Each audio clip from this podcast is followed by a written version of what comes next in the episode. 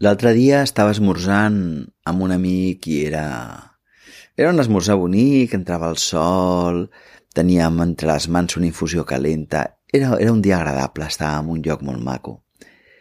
I mentre parlàvem, aquest amic meu em va dir hi ha una cosa que encara no acabo d'entendre, perquè mira que treballo i m'esforço i poso voluntat i a més a més obro el meu esperit i miro de posar també les meves emocions i els meus pensaments al servei d'una sèrie de coses que vull.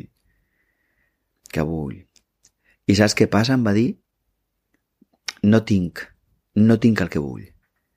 Em concentro, treballo, treballo jo, a Dios rogando i con el mazo dando, que diuen, no? I no, no, no tinc el que vull i la veritat és que no sé per què.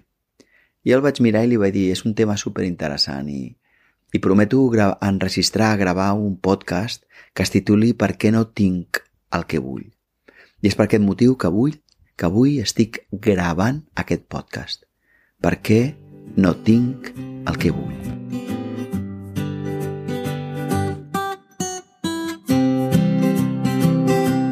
Benvingut, benvinguda al Quadern del Xerpa, un podcast en català sobre autoconeixement, creixement personal i espiritualitat pràctica que busca certa útil.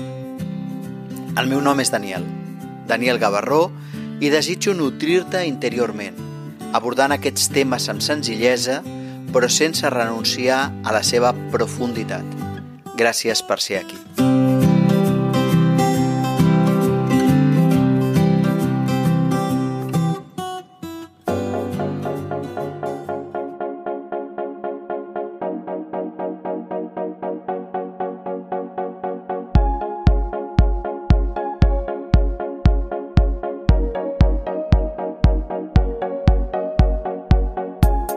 Què no tinc el que vull? Aquest és el tema del dia d'avui i, i, i això li passa a moltes persones. Si no és amb el tema de l'amor, és amb el tema de la feina, de la família, dels diners. Per què no tinc el que vull? Avui reflexionarem sobre aquesta realitat, perquè, sobre aquesta pregunta, perquè potser si aconseguíssim conèixer quina és l'arrel de la dificultat, podríem transcendir-la, podríem superar-la, podríem anar més allà, més enllà. Així que avui ens preguntem per què no tinc el que vull.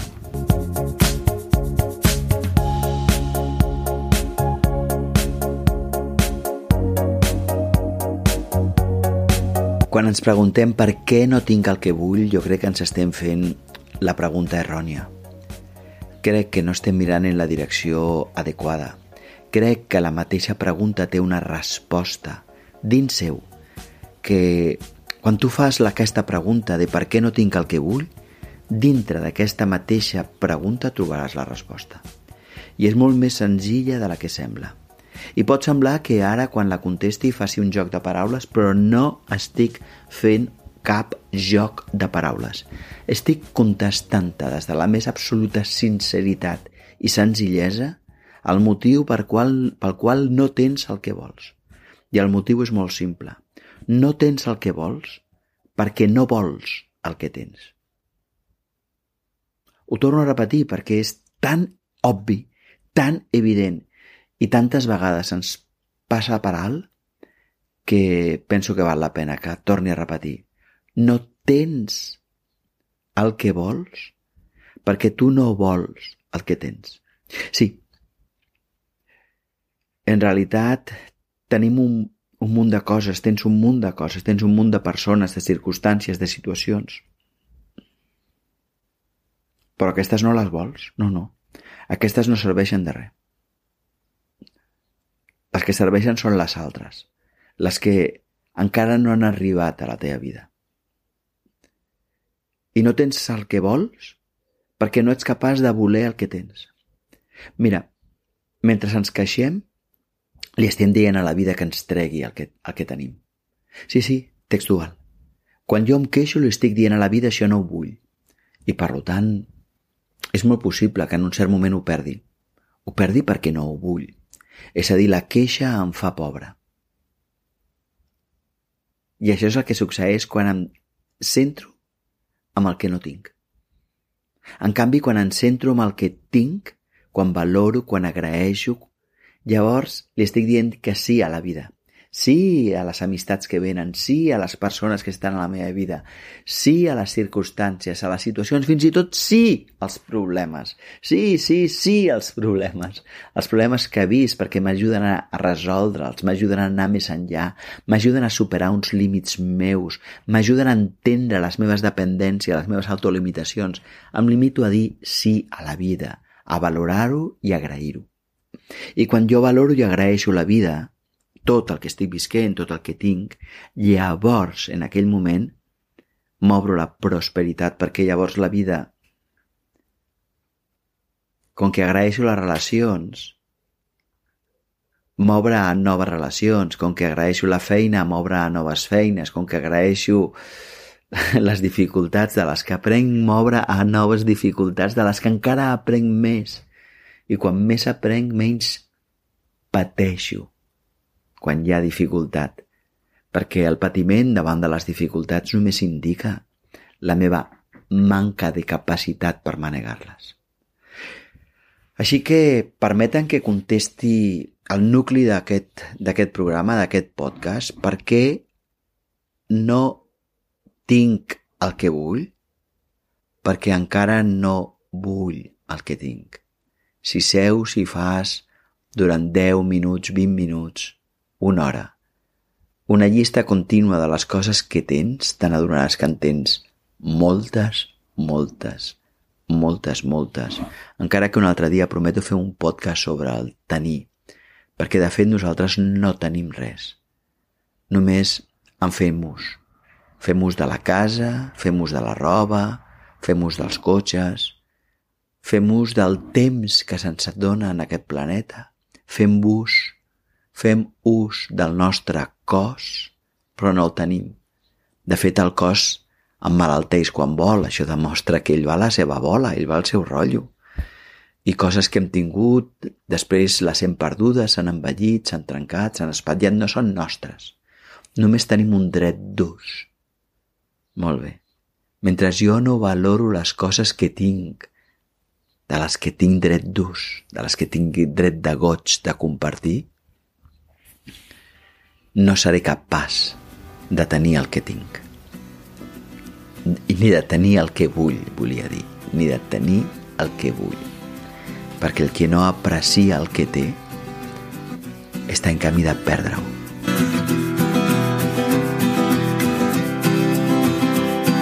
No et perdis cap episodi. Subscriu-te al meu podcast a danielgavarró.cat i rebràs un avís automàticament cada vegada que pugi un nou àudio.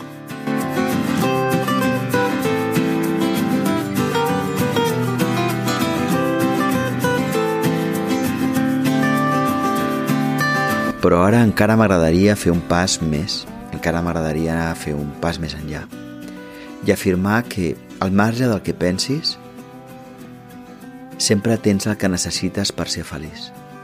I et prego, per favor, que no em creguis. Et prego, per favor, que ho valoris, que ho comprovis, que ho verifiquis i així això que jo estic dient no serà una creença, Serà una cosa que hauràs comprovat i això és el que realment transforma la pròpia vida. Ho repeteixo. Sempre tens el que necessites per ser feliç. Fixa't que hi ha gent que té una sèrie de dificultats determinades, per dir alguna manera. I tanmateix hi ha gent que vivint aquestes dificultats és feliç. Hi ha gent, per exemple, que, jo què sé, que té poc temps lliure perquè ha decidit pel que sigui fer una sèrie d'activitats o està cuidant la família o està cuidant una persona depenent o el que sigui, això fa que tingui menys temps disponible per ella. I tanmateix hi ha gent amb aquestes circumstàncies que és feliç.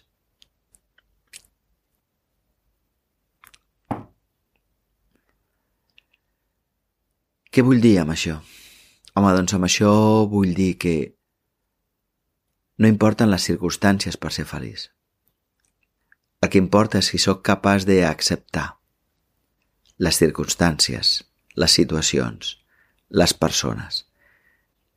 Això és el que importa. El que importa és si tinc criteris i saviesa suficient com per manegar-les. Però jo sempre tinc el que necessito per ser feliç. Saps per què? Perquè sempre em tinc a mi. Allà on jo estic, sempre estic jo.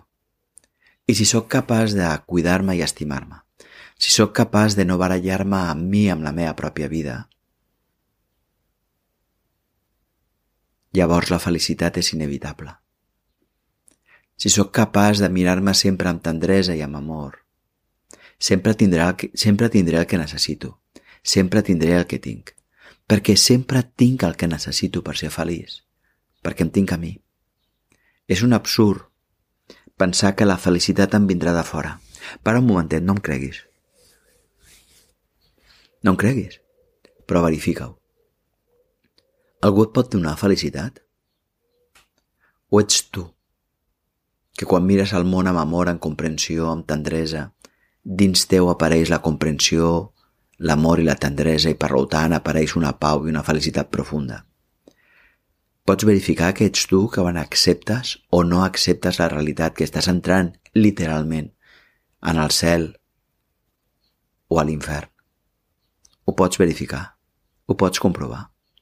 I no estic dient que totes les vides siguin igual de fàcils, no. Hi ha vides que, d'entrada, ens semblen més difícils, però no importa.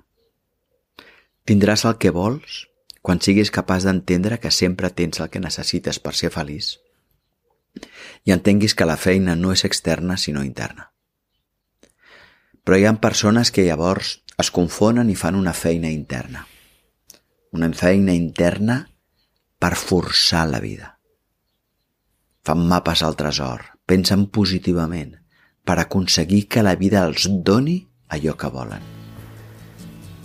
I si no ho aconsegueixen, es culpen. Però si de cas, si et sembla, reflexionem sobre això d'aquí uns instants.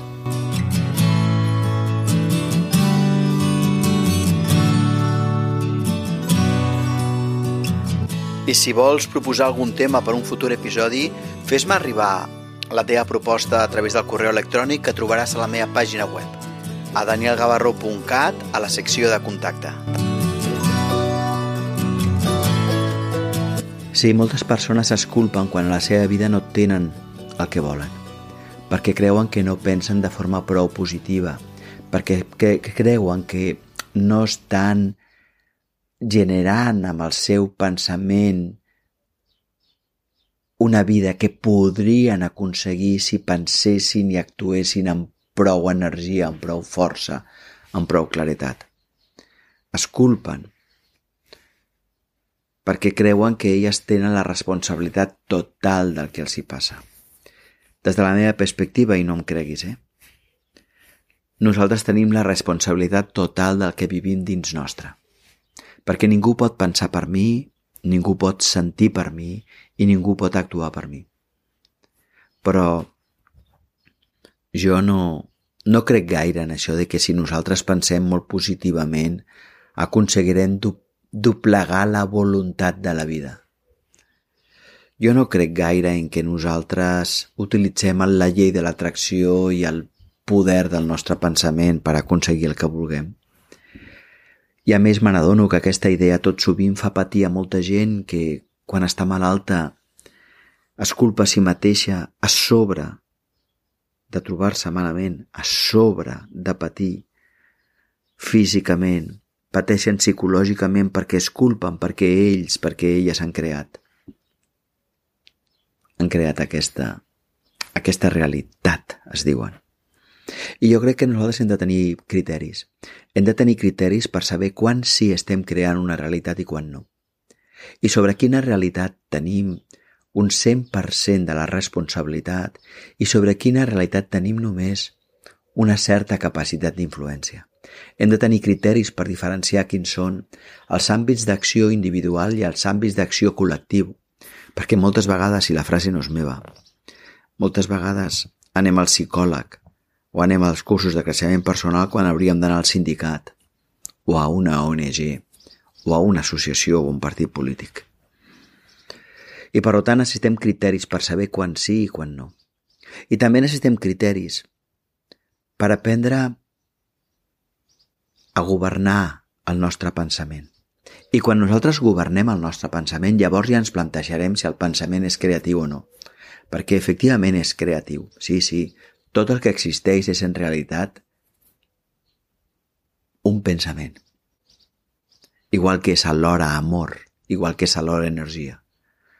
Però una altra cosa diferent és que jo tingui la claredat suficient com per decidir com es governa l'univers. Possiblement en calen criteris, criteris que m'ajudin a confiar en la vida, criteris que m'ajudin entendre que si jo sóc una part de la totalitat, la totalitat és la meva essència. I si jo sóc una part de la totalitat, el que passa, el que passa en aquesta totalitat és sens dubte una cosa que m'ajuda a ser, és sens dubte una, ajuda que, una cosa que m'ajuda a créixer, confiar en la vida, confiar en la vida perquè ella sap quin és el recorregut i deixar de creure que jo sé. Sí, jo crec que necessitem criteris. Moltes vegades molts d'aquests criteris els imparteixo en cursos d'un dia o de dos dies que, que faig, però aquests cursos acostumen a ser inspiradors però parcials.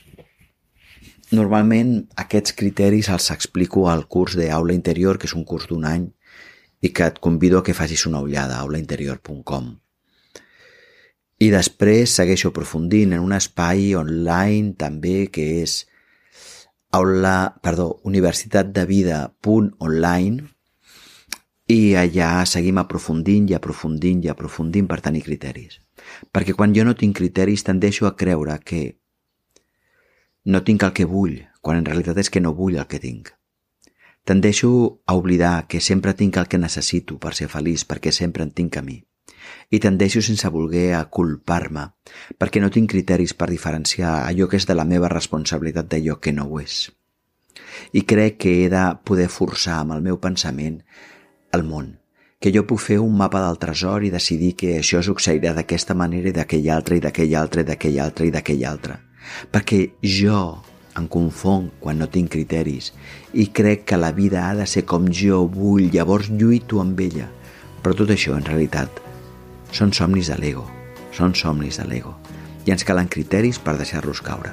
Mira que simple, deixar-los caure per fer què? Home, per gaudir del que sí tenim i per, alhora, dir sí a la vida. Ja veus, ja veus que simple.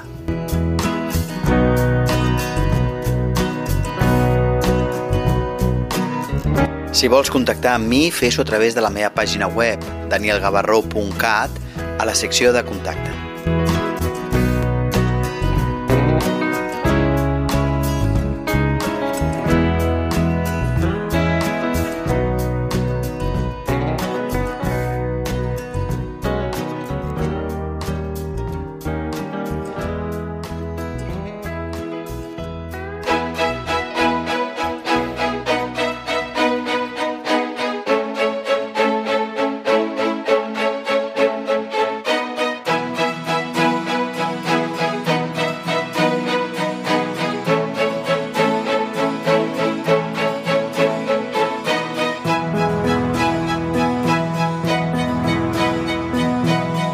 I no m'agradaria acabar sense recomanar-te el podcast número 7 que vaig fer on parlava de si podia ser lliure.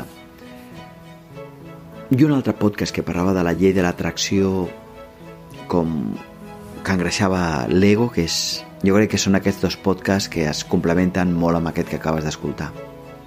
Així que si vols jo t'animo a escoltar-los eh, perquè la llei de l'atracció engreixa l'ego i al podcast de Ets Lliure. També t'agrairé que si creus que aquest podcast pot ser útil a algú, doncs li enviïs a través del WhatsApp, a través de les xarxes socials, ho pensis amb els teus amics, les teves amigues. I, i així compartiràs una cosa que si a tu t'és útil, li pot ser útil a moltes més persones. I no vull acomiadar-me sense convidar-te a que si no has fet el curs d'aula interior i vols tenir criteris per relacionar-te amb la realitat des d'una saviesa profunda, miris a la pàgina web de aulainterior.com.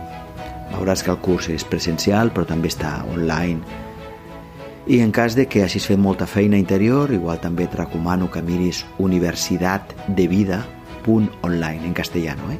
universidaddevida.online, que és un espai per persones que han fet molta, molta feina interior i volen seguir tenint el treball de l'autoconeixement al centre de la seva vida. Bé, gaudeix del dia d'avui i no oblidis que passi el que passi, tot ho pots fer servir per créixer interiorment.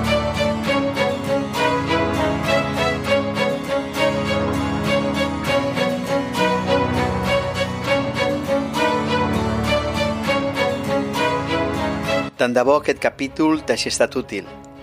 T'envio una forta abraçada i et desitjo el millor. I recorda, aprofita tot el que passi per descobrir-te. Si vols, ens veiem dintre d'una setmana.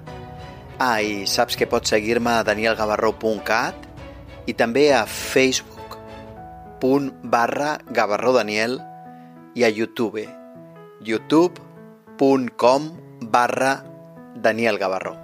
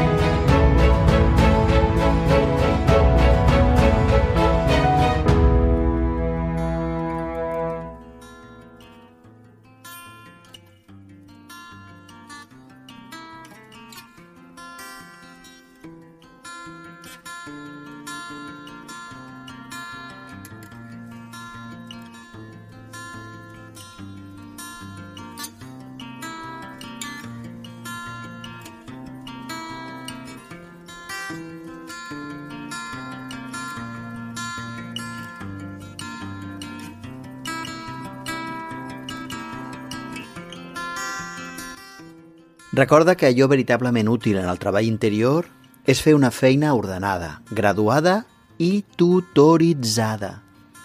Ho sé per experiència. Per això t'animo a que facis una ullada als espais formatius que imparteixo, que els trobaràs a la meva pàgina web, danielgavarró.cat. Però t'animo especialment a que miris el curs aulainterior.cat i el curs en castellà Universitat de Vida online. Crec que et seran molt inspiradors.